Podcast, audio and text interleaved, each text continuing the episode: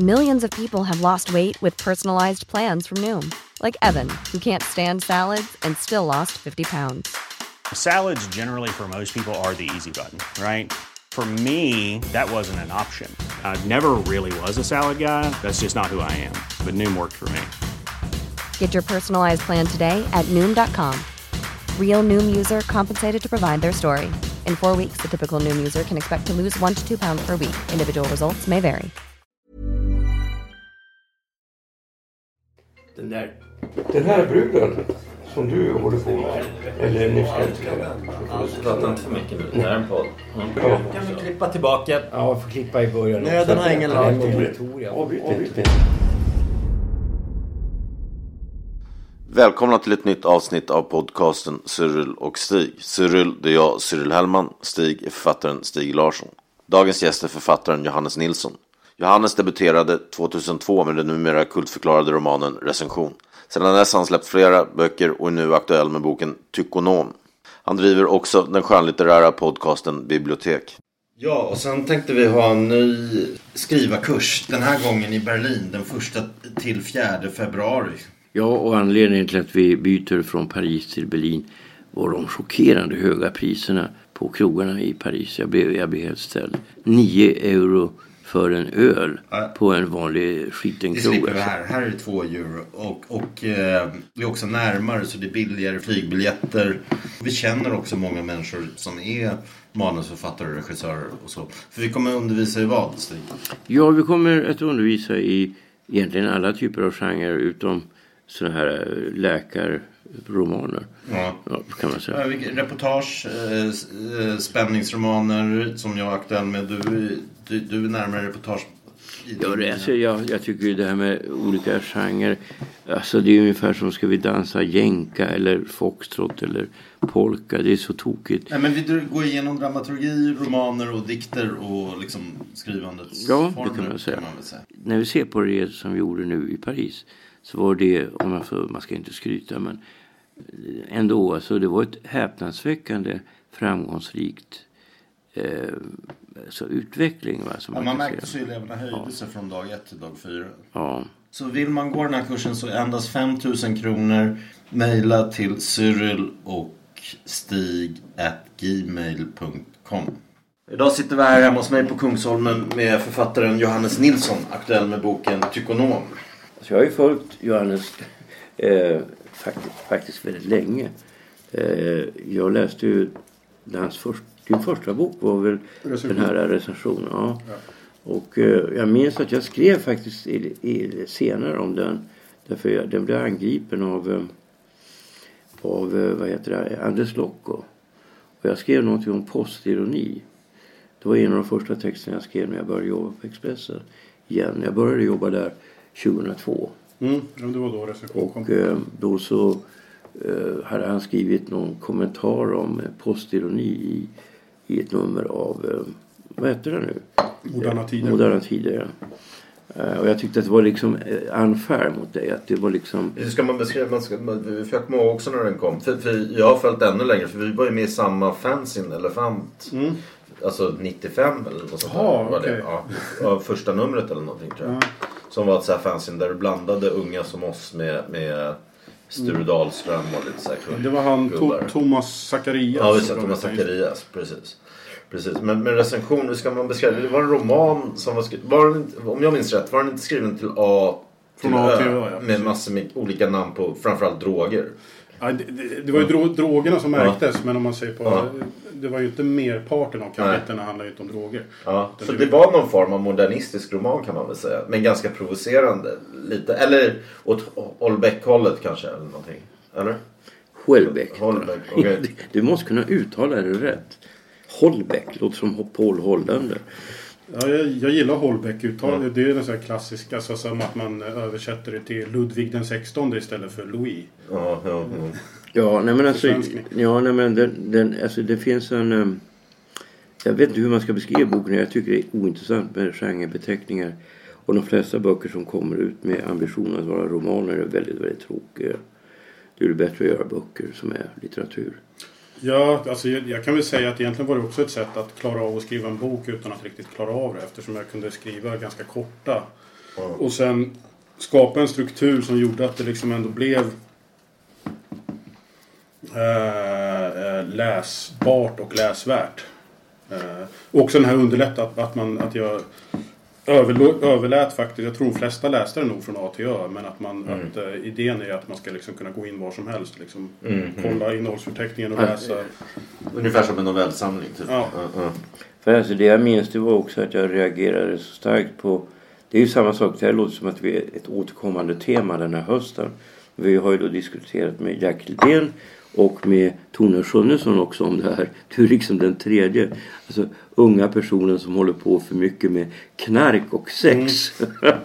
alltså det är vi kanske inte rätta personerna att moralisera men, men eh, det, var ju, det var ju rätt chockerande. Jag skulle säga framförallt de här eh, förfärliga suporgierna i, där i Södertälje. Alltså det var ett festande på en nivå som jag Visst festade jag i tonåren också på, på sådär lite okontrollerat sätt för då vet man ju inte hur mycket man ska dricka. Men här var det så här skräckinjagande tycker jag. Ja, och alkohol och sen... Eh, al alkohol var ju väldigt mycket basen. Och sen när man höll på att blanda in en massa andra droger och ta amfetamin och höll på och kokain och heroin och sånt inblandat. Då ham alltså man normaliserar allt så mycket så att... Det var ju många år som det liksom, jag satt varje dag på krogen i princip och eh, man kunde känna när man, en dag när man bara satt och drack öl på krogen. Det var en sund och frisk dag liksom. Okej. Ja precis, man drack inte sprit eller... Man drack Ja. inte sprit eller tog tjack eller... Eh, det blir ju väldigt skevt och så det är ganska... Låter som din nuvarande tillvaro. Eh, men, och jag menar, många av dem som eh, levde så där gick det ju inte så bra för. Alltså, det är ju många som inte finns kvar idag och som liksom sitter i fängelse, behandlingshem och eh, allt sånt där naturligtvis. Eh, Ja, men, men det är väl ett parti också när du är i Indien och så vet du inte riktigt om om du är deprimerad eller om det är en avtändning på E, på E, på ecstasy. Alltså. Mm. Och det är som jag själv då aldrig hade tagit ecstasy. Jag fattar inte riktigt. Jo, jag hade gjort det en gång men jag fattar inte vad avtändning på ecstasy var. Så var det där för mig lite mystiskt då. Du gick, du gick omkring där och försökte få eh, hitta något internetcafé eller vad det var. Ja, det...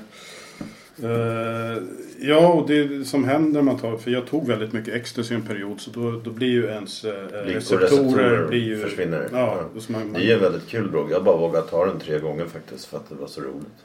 Ja, jag tog den varje liksom flera gånger i veckan. Ja, jag märkte också på de som tog det behövde liksom så här tre, fyra tabletter sen. Man, man ökar och sen, alltså, sen efter ett tag slutar det fungera i princip att man liksom inte...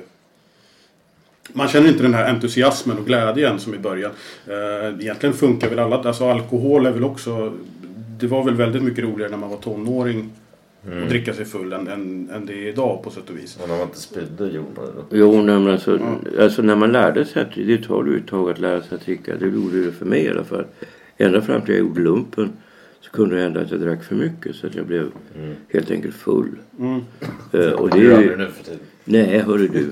Det, det är nå och så skulle, skulle jag känna det minsta lilla av, av berusning så skulle jag gå hem på en gång.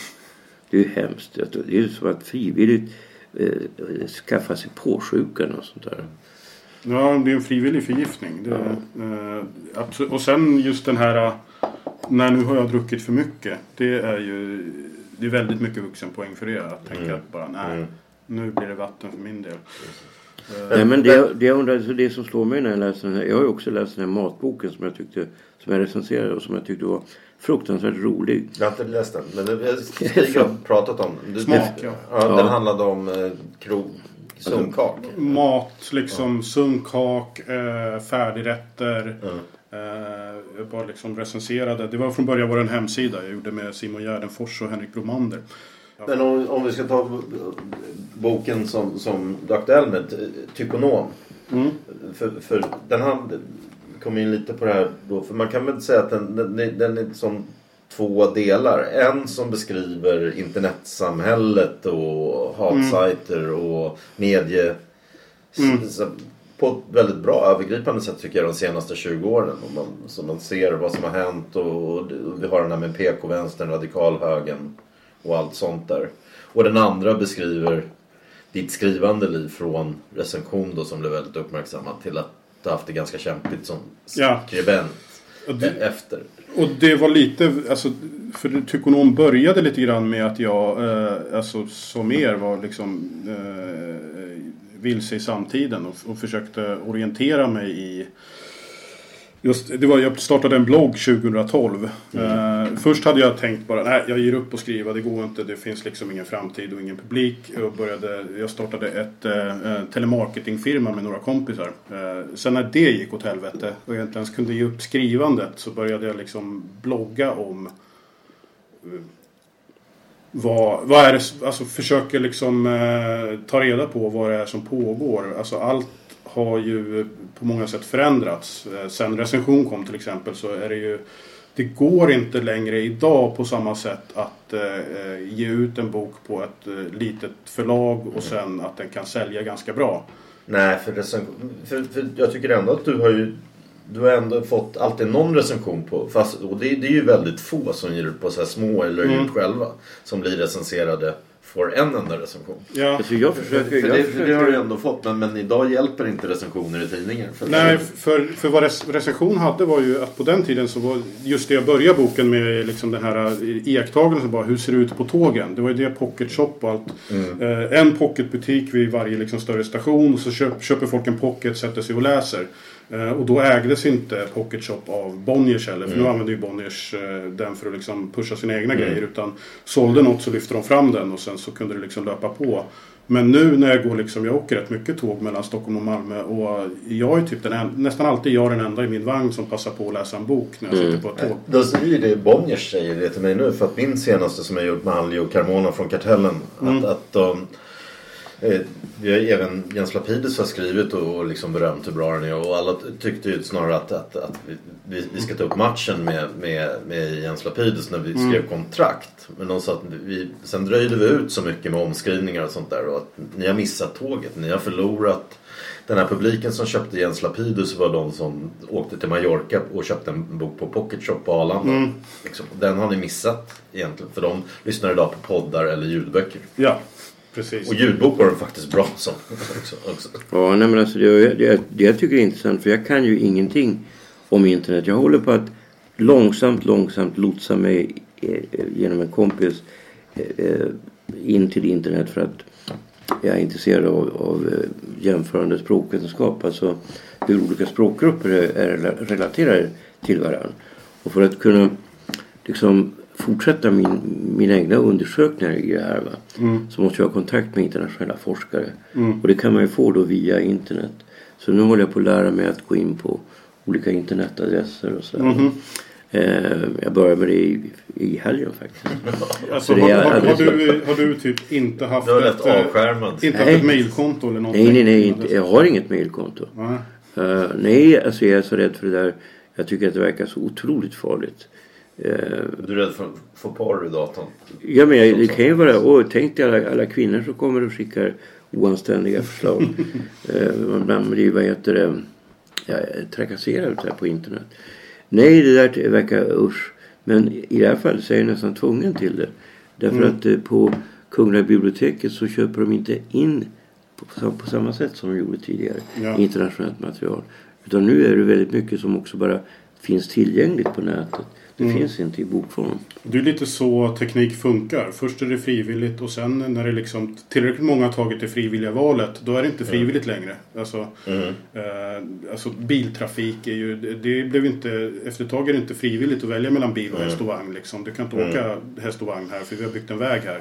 Eh, och det blir ju samma sak med, med internet till exempel. Att man, man kan ju välja att inte finnas på Facebook till exempel men då är det mycket, mycket svårare att få hitta en publik. Eh, och, och Twitter och, så, och sånt där. För, eh, framförallt för offentliga debattörer så är det ju eh, nästan hopplöst. Det tyckte jag var intressant i scen, den första, alltså inledande där, hur du beskriver att den första hatsajten var egentligen den här Newsmill av eh, Bonniers som min kompis Leo Lagercrantz var med och startade. Och att det var det första, och ett etablerat medieföretag. Men Ja. de drog sig ur när det började hetta det till. Och, Ja, jag tror, jag tror väl att de fick problem att liksom dra in cash på Ja, det. dra in cash också. Ja. De tänker på pengar såklart. Men, Ja. men däremot de här nya då som, som kallas hatsajter, nya tider och sånt. De finns ju men de kanske inte dra in, eller de finns kanske trots, även om de inte drar in cash. Eller så drar de in cash, jag vet inte. Eh, det är lite, eh, Nyheter Idag och Fria Tider har ju sina, de här, de Ja. har börjat med betalväggar precis som DN och så får Ja. de in pengar där. Men om vi tar A-pixlat, eller som numera heter Samhällsnytt. De, de är ju ideologiskt drivna. Mm. Eh, det är ju som eh,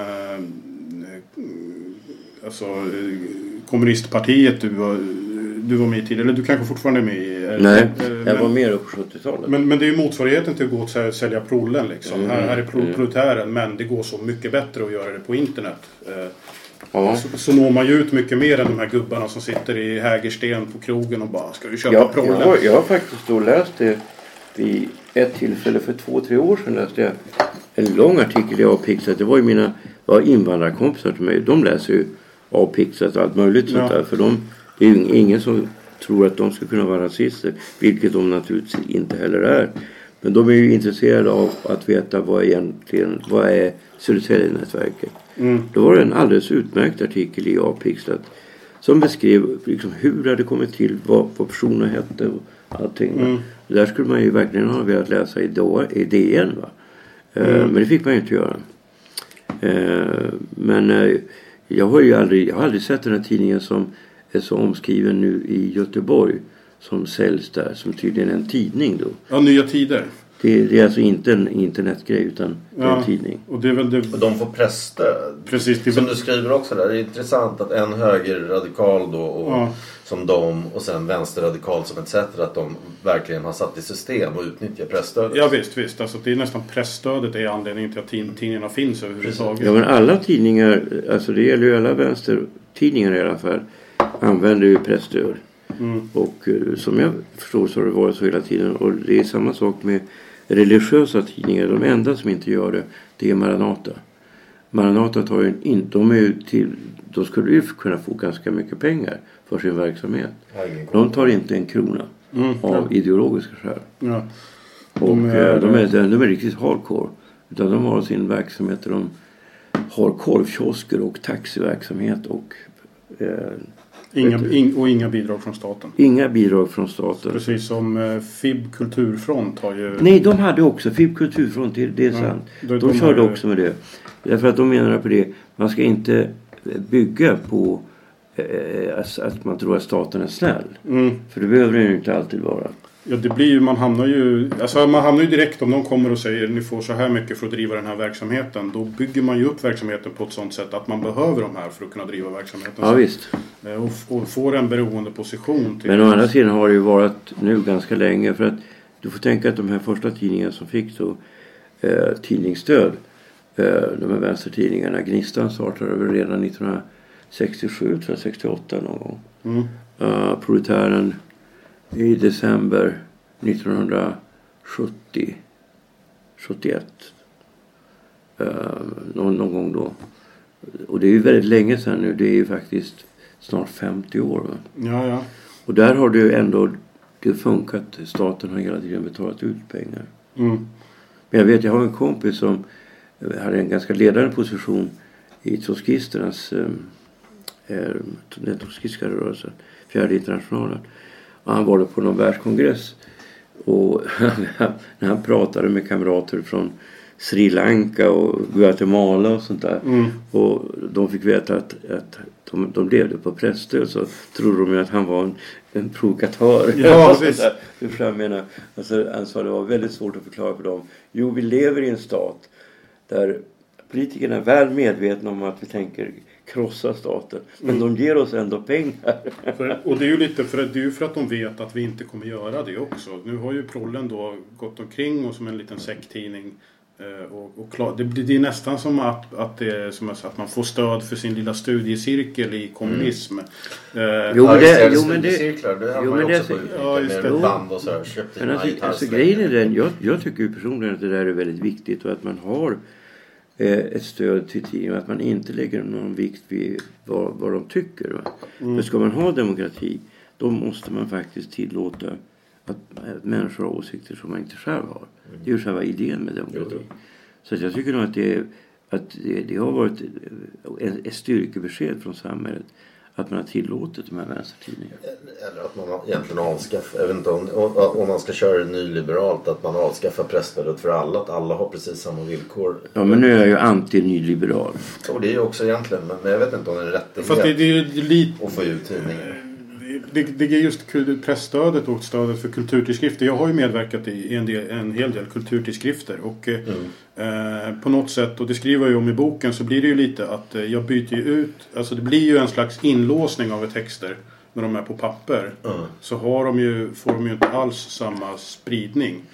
Eh, som texter som är på internet som eh, eh, där har det ju återigen skap, skapats en vana hos folk att en, en text som man, en debattartikel till exempel den ska man ju kunna läsa och dela och det är mycket begärt att gå till folk och säga köp den här kulturtidskriften för 90 spänn så får du läsa den här texten. Men du kom ju, alltså, jag tyckte det var, eller, för, för du kom beskriver ju att du kommer från fanzine-kulturen. Och, så, och jag, jag kan inte säga att jag gör det, men jag har skrivit en hel del i fanzine. Senast bara för ett år sedan i ett fanzine, Linda Skugges fanzine. Liksom.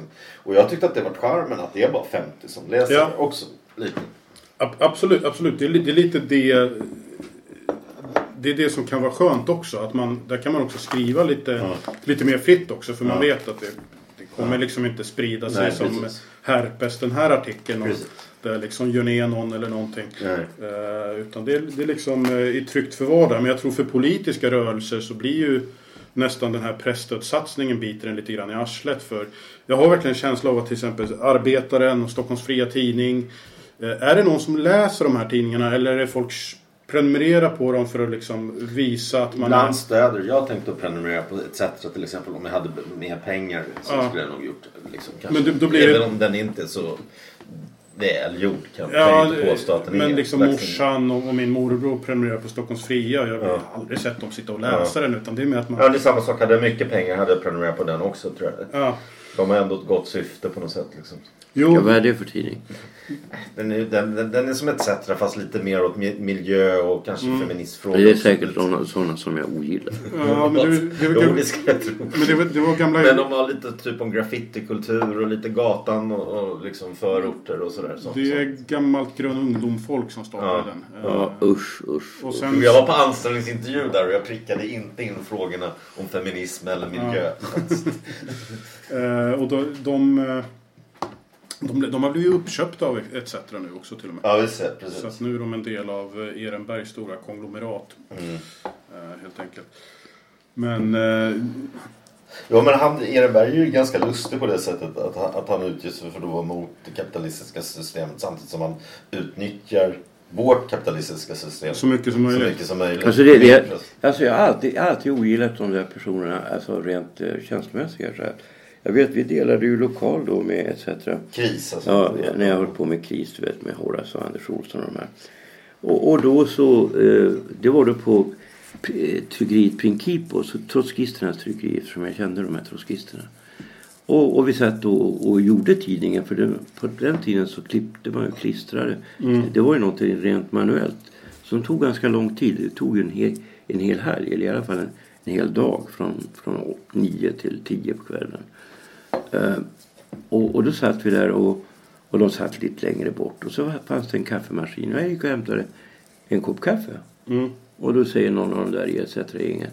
Det där är vårat kaffe. Ja, men jag kan Det ju, lät inte särskilt solidariskt. Nej. men jag kan ju, jag kan ju faktiskt sätta på lite mer kaffe om ni, när det tar slut. Så nu, nu tar den här koppen. Nej, det ska du inte göra. Så de, de var så helt enkelt så jävla otrevliga. Sen hade vi väldigt bra kontakt med de som jobbade på tryckeriet som var väldigt duktiga. Alltså vi använde dem delvis därför att det var förmodligen ett av de absolut tekniskt sett bästa tryckerierna. Mm. Det var liksom inte av politiska skäl. Men eh, alltså, jag- de har alltid varit så här gnälliga. Och jag vet ju, jag minns när autisterna kom. Så var en den första stora artikeln om, om den. Det var i, i ETC. Jag borde ju betala dem pengar för det här. För det är ju ren reklam. Det var ett angrepp på, på mig och på Ulf Lundell. Ungdomens förförare. Men det, det, det fick ju jag. Det var ju första recensionen jag fick överhuvudtaget för recension. Det var ju Aftonbladet. Och det var ju precis en sån recension. En, en, Okej, en sån här nedsågning som bara är reklam. Jag kommer ihåg jag läste den. Och hon, hon skrev i princip att hon hoppades att det skulle gå åt helvete för mig. Och jag bara ja. Press, alltså, det är nästan det bästa att få den här oförstående Hatiska, det var- Men det var det jag sa Och så till Stig. Jag blint hat. Stig här, häromdagen med äh, hans, han fick ju en sån slakt i GP som att men när folk blir så här äh, i affektion så är det bara bra reklam. Jo, men jag får, det var folk som har reagerat och sagt att jag ska läsa den där som något positivt. Alltså jag, jag tar inte så jäkla illa vid mig. Det är klart, jag vill ha positiva recensioner men det är ju klart att alla kan ju inte gilla den. Det är ju så. Men att alla, antingen positiva eller så här råsågningar. Det tråkigaste är ju att få någon sån här eh, medelmåttig... Ja, men sen är det, ju, är det ju mest författaren själv, alltså i, i alla fall om jag talar för mig själv, som minns vad det är som skrivs. Jag, jag tror att det nästan bara är, nu för tiden nästan bara är författarna själva som läser recensionerna också. För jag, jag märker Ja. verkligen inget. Man får en jättebra recension av Edenborg i Aftonbladet. Märks ingenting i försäljningen överhuvudtaget. Reducerade 200 ex. jag vet inte helt. Ja, och det, och det, det var bara så här, typ oberoende av vad han skrev. Millions of people have lost weight with personalized plans from Noom, like Evan, who can't stand salads and still lost 50 pounds. Salads, generally, for most people, are the easy button, right? For me, that wasn't an option. I never really was a salad guy. That's just not who I am. But Noom worked for me. Get your personalized plan today at Noom.com. Real Noom user compensated to provide their story. In four weeks, the typical Noom user can expect to lose one to two pounds per week. Individual results may vary. Skrev eller inte skrev känns det som. Hade du sålt det? Nej men alltså jag blev ju chockad då. Det här var kanske för fem år sedan. Så läser jag en... Jag hade varit bortrest och kommer hem och läser en, en, en understreckare. Eller, det var inte en understreckare men en väldigt lång recension på över en sida. Eller i alla fall en sida i Svenskan. Som handlar om ett nummer av Gustav Adolfssällskapets årsskrift. Eh, som handlar om, om lingvistik. Som bland annat tog upp eh, eh, Bo Ralfs nya tolkning av Rökstenen. Eh, Men flera andra artiklar också. Och det hela var ju ytterligt intressant. Och jag tänkte nu har det väl tagit slut på Hedegrens. Eftersom den var så uppmärksammad. Så jag, jag kastade mig tidigt på morgonen och, och till, till Stureplan. Och går ner på Hedegrens och säger ja den här jag ska ta. Är den slutsåld nu? Ja vad menar du? Ja men den var ju, var ju en hel sida i Svenska Dagbladet. Nej vet du vad den har? Det är ingen som har frågat efter den. Alltså ingen, ingen, inte en enda person i hela Stockholm. Jag kanske på Akademimodellen. Men det tror jag inte heller. Utan jag var den första. Då, då hade det gått tre dagar något sånt där. En hel sida i Svenskan. Och, och en person, jag alltså. Ja. Som är intresserad av att köpa den. Och det tog mig två veckor att få den också. Men, den. men du tröttnade på fancy för det kände, eller, eller för, för, för det var ju liksom ganska rörande när man läste din personliga att, att när du får förnedra och skriva för de här Eh, för de här äh, spelsajterna. Ja, och, men, men, men medans och, och sen slutar botten med den där, eller vad ska man kalla det, med, med den där chans, vad heter den? Ny, ny, ny, nyheter idag. nyhet. För, för då hade, kände jag bara nej, jag skulle, man, han borde ha lite råd från mig typ. Men jag, tycker, nej, men jag tycker ändå, ens namn är ändå ett varumärke. Som, som den här hösten, jag tar, jag tar hellre ett lärarjobb som jag har gjort idag typ än att smutsa ner mitt namn i liksom Ja, fast det, det, det, vilka tidningar som helst. Att, Ja. att, att, som i år har, nu har jag bara skrivit för Judisk krönika, Fokus och Res som jag tycker alla är prestige. Jag retade jämt Martin Gelin när vi bodde i New York. Att, för han skrev för Slits. Café på den tiden de hade nakna tjejer. Mm. Ja, just det. Ditt namn är ett varumärke. Du kan inte göra allt för pengar. Mm. Det går inte att skriva för en porrtidning. Liksom. Fast det gick ju bra för honom ändå. Men, men ändå. Ja, ja men jag, det som, jag nådde ju botten först. Alltså, Ja. bara, jag satt i Skåne, du vet, vi, vi hade hyrt ett hus med min nya tjej, vi hade barn, så jag kunde vara med mina äldre barn. Huset var mögligt, eh, bilen gick sönder, min tidigare försörjning gick åt helvete. Eh, helt plötsligt så började Försäkringskassan kräva, pengar av mig. Och, alltså, alltså allt bara kollapsade och jag bestämde mig då för att bara nu... Eh, det, jag bodde också lång, så långt ute på landet så jag kunde liksom inte... Hade ingen körkort, kunde inte jobba med något. Så att nu var det... Från och med nu ska jag liksom bara tjäna pengar på det jag skriver. Att jag tog det. Eh, nu, nu är det det som är nummer ett. Och började då skriva det som kallas content. Att man skriver för några spelsidor och modesidor. Och, alltså copy helt enkelt. Eh, och då tog jag helt enkelt bara, eh, alltså jag tackade ja till eh, Som åt någon bemanningsföretag ungefär kan man beskriva det som. Ja, Fast- un, un, un, Ja. ungefär. Jag fortsatte tills jag fick Ja. ett bättre betalt jobb. Ja. Eh, och så slutade det med att jag hamnade i, Chang- hos Chang lite kortare. Men alltså, Chang är ju en... Det, det, om till exempel den här, eh, den här senaste, Den svenska diplomaten. Eh, är ju en väldigt bra text. Eh, vä- väldigt unik. Eh, han, han följde med en... En Sverigedemokratisk riksdagsman åkte till eh, Ryssland som valobservatör. Just det, han som heter Gamo. eller något Ja, precis. Och det här var nästan en unik text i svensk journalistik. Eh, alltså helt enligt det här eh, Hunter S. Thompson. Gonzo. Ja. Ja. Gonzo. Det har inte riktigt gjorts. I alla fall inte någon text som har fått sådär stor spridning. Och det var typ enda sättet han kunde skriva den texten också. Det, Hur gjorde han då? Ja, han var istället för att försöka anlägga en sån här... ja, Han, han, han drogs liksom in i den här Pavels jävla fyllerier och... och eh, Pavel hade ju lovat honom att han skulle ha ett hotellrum och så när han kommer, kommer dit så bara det finns inget hotell, du kan bo på mitt rum och nu måste jag låna pengar av dig. Och man kände ju, han har ju fått... Pavel var någon sverigedemokrat? Ja, Pavel var den här Sverigedemokraten som var där och han hade av någon konstig anledning han hade bett att få med sig Chang där som pressakkreditering. Eh, det var, man kände liksom igen i hans situation, han bara beskrev vardagsrealistiskt vad som hände och hur han man kommer till Moskva sent på natten, inget hotellrum för att bo hos honom. Han då ska låna pengar av en, låna ens kalsonger. Eh, och, och det blev... Och då har han ju fått kritik för att han, han bryter mot olika journalistiska regler. Men det är väl... Eh, Ja, det är intressant. Ja, det. Mm. var också enda sättet han kunde liksom göra det här reportaget var att gå in i, i, i den här relationen med, med objektet så att säga. Eh, Men han verkar lite skum. Men alltså, jag, jag tycker ju... Å andra sidan, jag, det var ju samma sak med Björn. Han gjorde ett jobb då åt Din Dagens Björn. Cederberg. Björn Cederberg åt Dagens Nyheter där han wallraffade. Han jobbade samtidigt då som pressekreterare till Ny Demokrati. Mm. Och jag menar ju på att det där är ju alltså inte okej.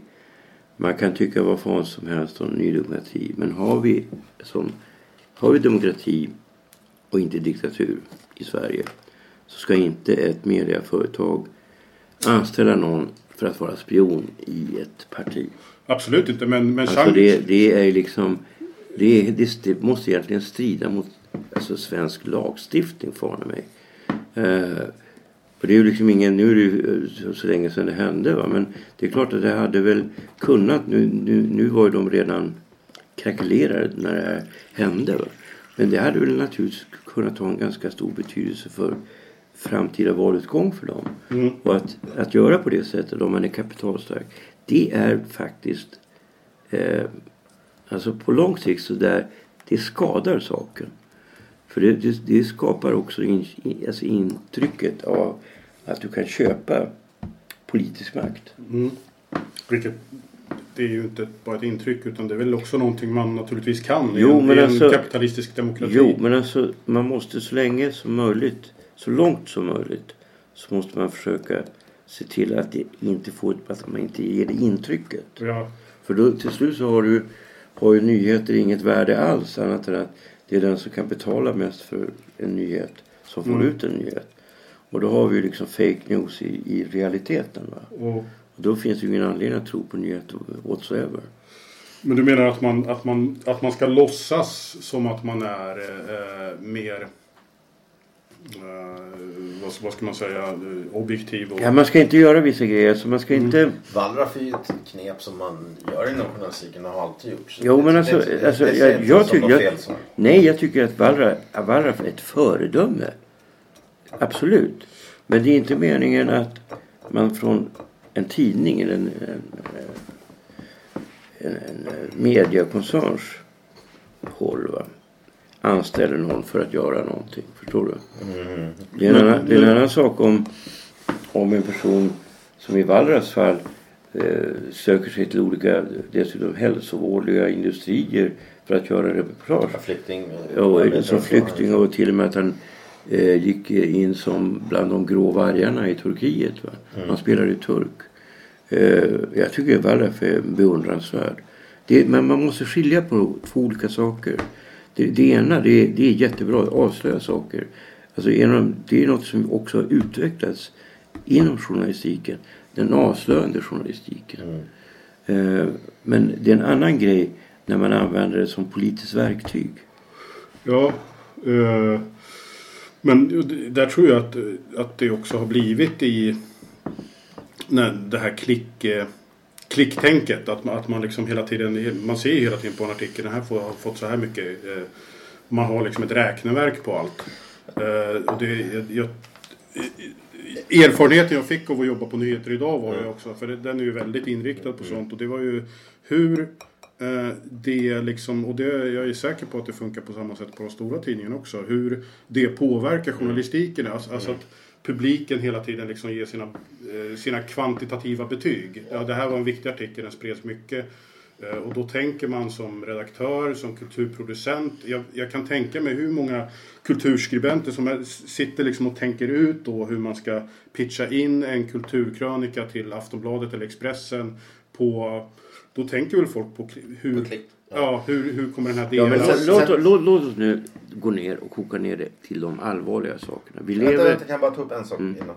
Men för, för, du, för, för du skriver det här att näthat skapar snackisar. Mm. Och det håller jag med om. Och där var det ju, var inte Chang och ryckte hon Katarina Janosch till exempel. Direkt ja. Där... Ka Katarina och Peter Springare. Och, och, och, och men hon, hon, fick nog inte heller sina betalningar som du skrev att det var lite problem med. För att hon har ju startat en egen. Ja, och det kommer upp även i mitt flöde bland mina vänner. Och idag stod det, och då, då kom det upp. I Sverige begås fler våldtäkt än under Bosnien. Då vet jag ju, Balkan har ju rört mig mycket på. Och ja. i Bosnien också. Jag vet att i Sarajevo var det ju typ 50 000 kvinnor som våldtogs. Alltså, som, de ja, hade det som en del av sitt genocide att våldta. de gick ju inte och polis de gick är, ju inte och polisanmälde det direkt liksom. Nej, uh, nej precis. Nej, ab absolut. Uh, nej, men hon, hon skriver fortfarande för uh, Chang också. Uh, nej men betalningen gick igenom. Det var faktiskt jag som skickade en, en felaktig faktura. Så jag, okay, har liksom, ja. jag har, ordfront har liksom gullat med mig så mycket när jag skickar in mina värdelösa ja. skitfakturor dit. Ja. så jag skickade in den utan att... Det, det, var bara något lite strul. Men framförallt var det som hände var att jag Eh, som, som ett mirakel så bara landade ner. Jag tror jag den månaden som jag skrev för Chang fick jag så mycket andra, andra så jag jobbade hela tiden och tjänade, tjänade något sånt där 100 000 den månaden samtidigt då. Mm. Alltså mm. fakturering, sen blev det ju skatt på det. Men, mm. Mm. Så jag tänkte bara, fan, fine, då behöver jag inte göra det här. För det var precis som jag inte har varit så jätte, alltså det jag helst har velat göra har ju inte varit att skriva liksom eh, korta modetexter för reklam. Eller, jag har inte heller varit på så sätt intresserad mm. av att skriva mm. klickbete åt Chang. Men däremot har det varit en eh, intressant erfarenhet. Mm. Eh, lite grann.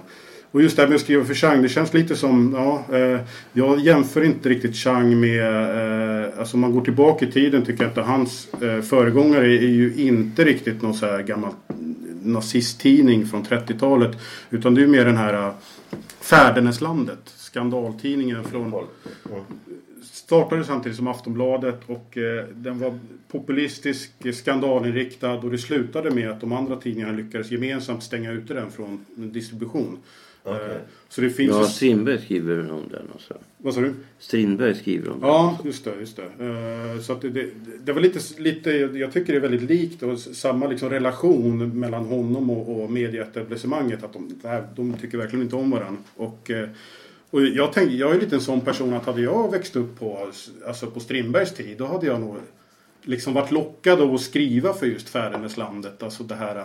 Ja, äh, ja, ja. Äh, ja, vi behöver inte göra någon sorts moralisk värdering i det. Men jag hade nog inte gjort det. Nej. men det, det, är väl lite samma som att göra att jag gör, liksom, provar alla droger jag kan komma på. Och ja. testar anabola och sånt där. Att det liksom är någonting... Det är någonting lite spännande. Alltså jag, jag vill liksom... Vad är...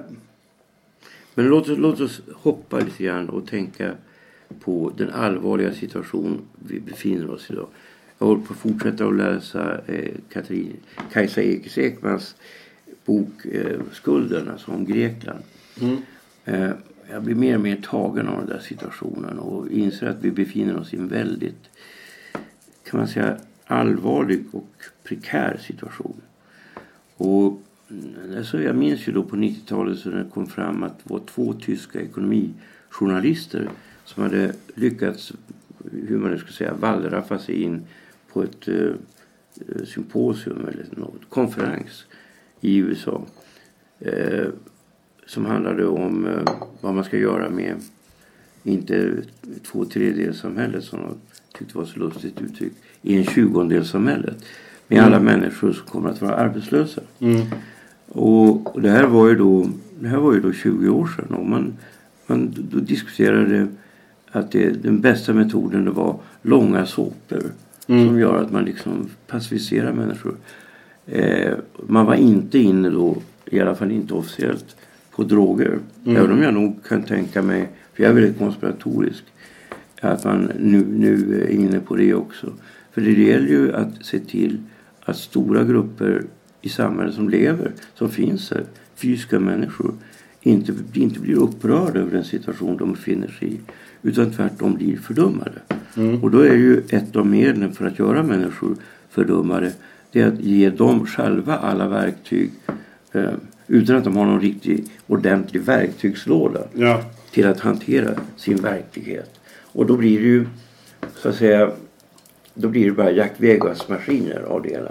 Det är ju inte liksom när jag tittar på mina föräldrar som var ju då kan man säga bildade arbetare. Va? De var ju med i sådana här Riksteaterns vänner och var med på föredragsserier och sånt där. Va? Eh, och de, eh, de använde ju sin mycket kan man säga minimala fritid till att bilda sig. I, i dagens samhälle så använder ju människor sin minimala fritid till att, eh, att helt enkelt hitta olika typer av tidsfördriv. Jag minns när ordet kom, tidsfördriv. För det kom ju då i samband med att man hade eh, spelautomater. Ja, då kallades det för tidsfördriv. Jag, minns, jag var kanske 12 år då. Och jag minns hur enormt kraftigt jag reagerade på ordet tidsfördriv. Som om detta att vi lever, vi är levande människor. Och ska det finnas något som heter tidsfördriv. Vi måste fördriva liv liksom. Vi kan inte... Ja. Vi lever för länge. Vi måste Men göra vad oss av med all denna tid. Men vad fan gör vi då åt den här situationen? Alltså jag, jag är demokrat. Jag tror att man genom på något sätt förnuftet kan förändra saker. Men jag känner mig hjälplös. Jag vet inte fan vad jag ska göra. Mm. Du har inte Facebook. Nej, och det, ja, men Facebook är ju nästan den, Facebook är ju nästan den perfekta som du säger att, att man ger folk verktyg till att fördumma sig själva. Att man, att man liksom Facebook stänger liksom det här med att stänga in en i filterbubblan. Att man får läsa samma saker som ju mer man liksom läser något desto mer sånt föder både Google har ju påverkas ju också av det. Eh, Att man, att man har privata det du söker på Google är ju inte, det är ju inte något så allmänt det här är vad som finns på Google utan de tittar ju vad du har sökt tidigare och ger dig relevanta resultat för dig. Och Hela tiden ska förse dig med det de tror att du vill ha. Eh, och det är ju... Ja, Det måste vara jätteförvirrande när det gäller mig. För det handlar nästan bara om olika mycket små stammar i Himalaya och i, i västra Eti, sydvästra Etiopien. Ja, ja men det, det räcker det så kan de liksom börja snäva in det Ja, på det men vad fan, de, de, de måste undra vad fan håller han på med egentligen? Men det, där, på, på ett sätt, där kan du ju liksom, för du, då har du ju ett specialintresse och det är ju bra att Google anpassar sig till det. Men det, samtidigt så, eh, de här liksom flödesalgoritmerna gör ju att du hela tiden successivt blir mer inskränkt och eh, hänvisad till, till Det är liksom det man dina egna menar det grejer. hände med Trump nu. Med, Mm. med, med, med Trump-läget. Han utnyttjade Facebook Ja. till Hillary Smuts och, och allt, allt möjligt. Liksom. Jo, jag tycker ju då att det... Men, men alltså, när man märker på ens kompisar, till och med på Cyril, eh, hur han plötsligt har... Alltså, han, han, det är inte så att han visar mig sitt Instagramkonto. Visst heter det Instagramkonto? Ja. Ja. Men att han liksom tagit bild av en maträtt han har gjort. alltså detta är ju någonting alldeles ohyggligt. Jag, har en, jag, jag är alltså kompis med en kille. Som alltså, det är väl helt okej att han lagar mat för det. Han är duktig på att laga mat också. Men att ta en bild. Ja men att ta, ta en bild av den mat man har lagat. Alltså det är så knäppt, det är så sjukt. Alltså vet, det är så här så kinky att jag måste gå tillbaka till när jag jobbade på psyket när jag var 19 år. Och träffade så här pyromaner för att hitta så här riktigt kinky motsvarigheter. Ja, och det är typ, det är så folk gör nu för tiden. Det är ju sjukt, ett sjukt samhälle. Eh, Men, men eh, ja, om vi, om vi, vi ska runda av det. Nu är vi på runt 40. Men, men du skriver att du, du upptäckte också att du börjar gå över mer och mer till ljud som jag också har reflekterat över Mm. och märker. Och, och du skriver att du inte ska skriva något. In, in, Mer. in, inte original. För Inte, nu har du podden Bibliotek där du Ja. ger ut skönlitterära grejer Ja. men, men i ljudform. Precis, in, inläst. Och det, och det är Ja. också det är en anpassning till marknaden. Jag själv har väldigt svårt att lyssna. Jag lyssnar typ när jag tränar. Eh, Då brukar jag Ja, lyssna samma på med poddar. mig, ja. Ja. Och nu har det varit lite dåligt med träningen för jag har haft så mycket att göra så det har jag inte hunnit lyssna på så mycket. Det, är- alltså jag, jag läser mycket, mycket hellre en bok på text. Mm. Eh, som, som jag sa tidigare. Det, tar du något tåg till Skåne där, där, som jag sitter på så är jag typ den enda i vagnen som sitter Mm. och läser en vanlig bok. Men eh, det är väl bara det här att jag liksom har insett att det är, min sort håller på att dö ut. Eh, folk vill ha... Folk vill... Ja, folk, nu orkar folk inte ens läsa. Nej, men Nej, jag, för, jag, för, jag folk vill liksom höra på när de åker till jobbet och kanske typ eh, har i öronen och spelar något spel samtidigt. Och, Mm. Du vet. Jo men alltså det är en vanlig sak att läsa. Folk brukar ju fråga mig när jag sitter på krogen. För jag läser ju alltid när jag sitter på krogen. Eller jag har alltid med mig en bok. Mm. Och om inte jag tycker att det, det, det samtal som är runt omkring mig är så roligt. Då läser jag istället. Ja. Och det har ju folk accepterat för jag är bara sån. Men- du har nog en snabb hjärna som kan koppla in i ett stycke. Jag Ja. kan inte sitta på krogen Nej men alltså nu läsa kan jag göra det. Men alltså jag skulle ju, men jag vet ju de som då, jag, jag läser ju kolossalt mycket böcker. Mm. Men eh, min kompis Bosse som är med i den här boken Folk på ön, Bosse Johansson. Han läser ju också väldigt mycket men numera så har han övergått till ljudböcker. Mm. Och han säger ja, men jag tycker det är enklare. Jag kan göra andra grejer. Jag kan laga mat. Jag kan stå och laga mat och Ja, diska och hålla på. Men sen, sen, blir det så här, sen blir det så här att när han då ska läsa en bok. Mm. Så här, fan alltså Stig, det är ju för det är för jävligt. Jag blir ju ovan att läsa. Mm. För du vet, du tappar efter ett tag. Det är ju det som att träna på gym va. Mm. Och man går regelbundet. Jag, en gång, gång i tiden gick jag faktiskt tre gånger i veckan på gym. Mm. Det, det, det tror man inte när man ser mig. Men, men alltså det är en, en träning, en, en vanesak. Mm. Och är du, har du aldrig läst på ett år så blir det svårt att läsa Och plötsligt. det, det, och det är just det, för jag tror vi kommer få en uppväxande generation som helt enkelt inte är vana vid att läsa någonting längre än en dataskärm. Eh, och vill man berätta berättelser då, eh, vilket jag vill, så, så drar det åt att det att det, är helt, att det- det verkar vara liksom den formen folk väljer. Och egentligen, jag känner väl att eh, det var lite svårt att släppa det, men sen bara släppte jag det. Att det, här att det ska vara liksom en sån här fin, dyr, inbunden bok som sen ingen köper. Det, Det är en borgerlig grej att visa upp sitt, Ja. sin, sin det, kultur. det, det är ju liksom... Eh, Ja men det finns går- kanske en annan grej jag kommer på det nu. Det här är en otäck sak. Det är ju då att... eh, För jag tycker ju då att det här med boken som fysiskt. Mm. Alltså att det är en grej. Man håller den i handen. ja, men som en LP-skiva Ja. också, men det lyssnar ju folk inte heller på. Jo men det har ju kommit tillbaka nu med LP-skivor. Ja, men det, ja, jo, Det är ju litet men ändå. Mm. Och jag, jag skulle vilja säga så här. Det här var min 27 bok. Och jag blir alltid lika glad när jag får, får första exet i handen. Mm. Och läser den. Det är en Men det viss stolthet. Ja men Ja. kalla det vad fan du vill. Jag blir glad. Jag är glad. Det är bättre att jag är glad än att jag är ledsen. Ja. Men i alla fall så är det ju så att det finns ett hat emot det där. Även om det är så i praktiken att vem fan som helst, du behöver inte så särskilt mycket pengar, så kan du ge ut en bok, ja du vet på sån här tidigare författares bokmaskin. Nu har ju då Ja, print on demand. print on demand. Ja. Du har det, det går att göra böcker. Men det där med att det finns böcker och att vissa får ge ut böcker. Alltså det finns ett, för att det finaste eh, i en hierarki som man inte överhuvudtaget vill prata om men som jag tycker är nödvändigt att ta upp. Det är ju då det här med att skriva böcker, att ge ut böcker, att få människor att läsa. Det är ju ett väldigt stort övergrepp att få människor att läsa vad man själv har skrivit. Men samtidigt, ta bort det. Och då tar vi så mycket bort eh, det som har gjort oss till de människor vi är. Alltså, vi, Och men bakom det här finns det en aggressivitet. Alltså som liknar bokbålen i, i Nazityskland. Alltså hatet emot de intellektuella. Hatet emot de som skapar tankar. Tankar som jag själv kommer att ta över i, i, i, i min tur. Och, och, och där, den där aggressiviteten. Jag menar att den är eh, den ligger bakom. Det är liksom en kombination av kapitalism och en form av kallar det anti-elitism som kommer att slå tillbaka på människor utan att de själva ens vet om att det har funnits en strid om deras själar. Jo, om man ser det så. Men, men då ser man det också ganska elitistiskt. Man kan också se det som Johannes skriver i slutet. Att, att, att det, det, det började ju med muntliga berättandet. Ja. Och, och, och så att, att det kanske också blir...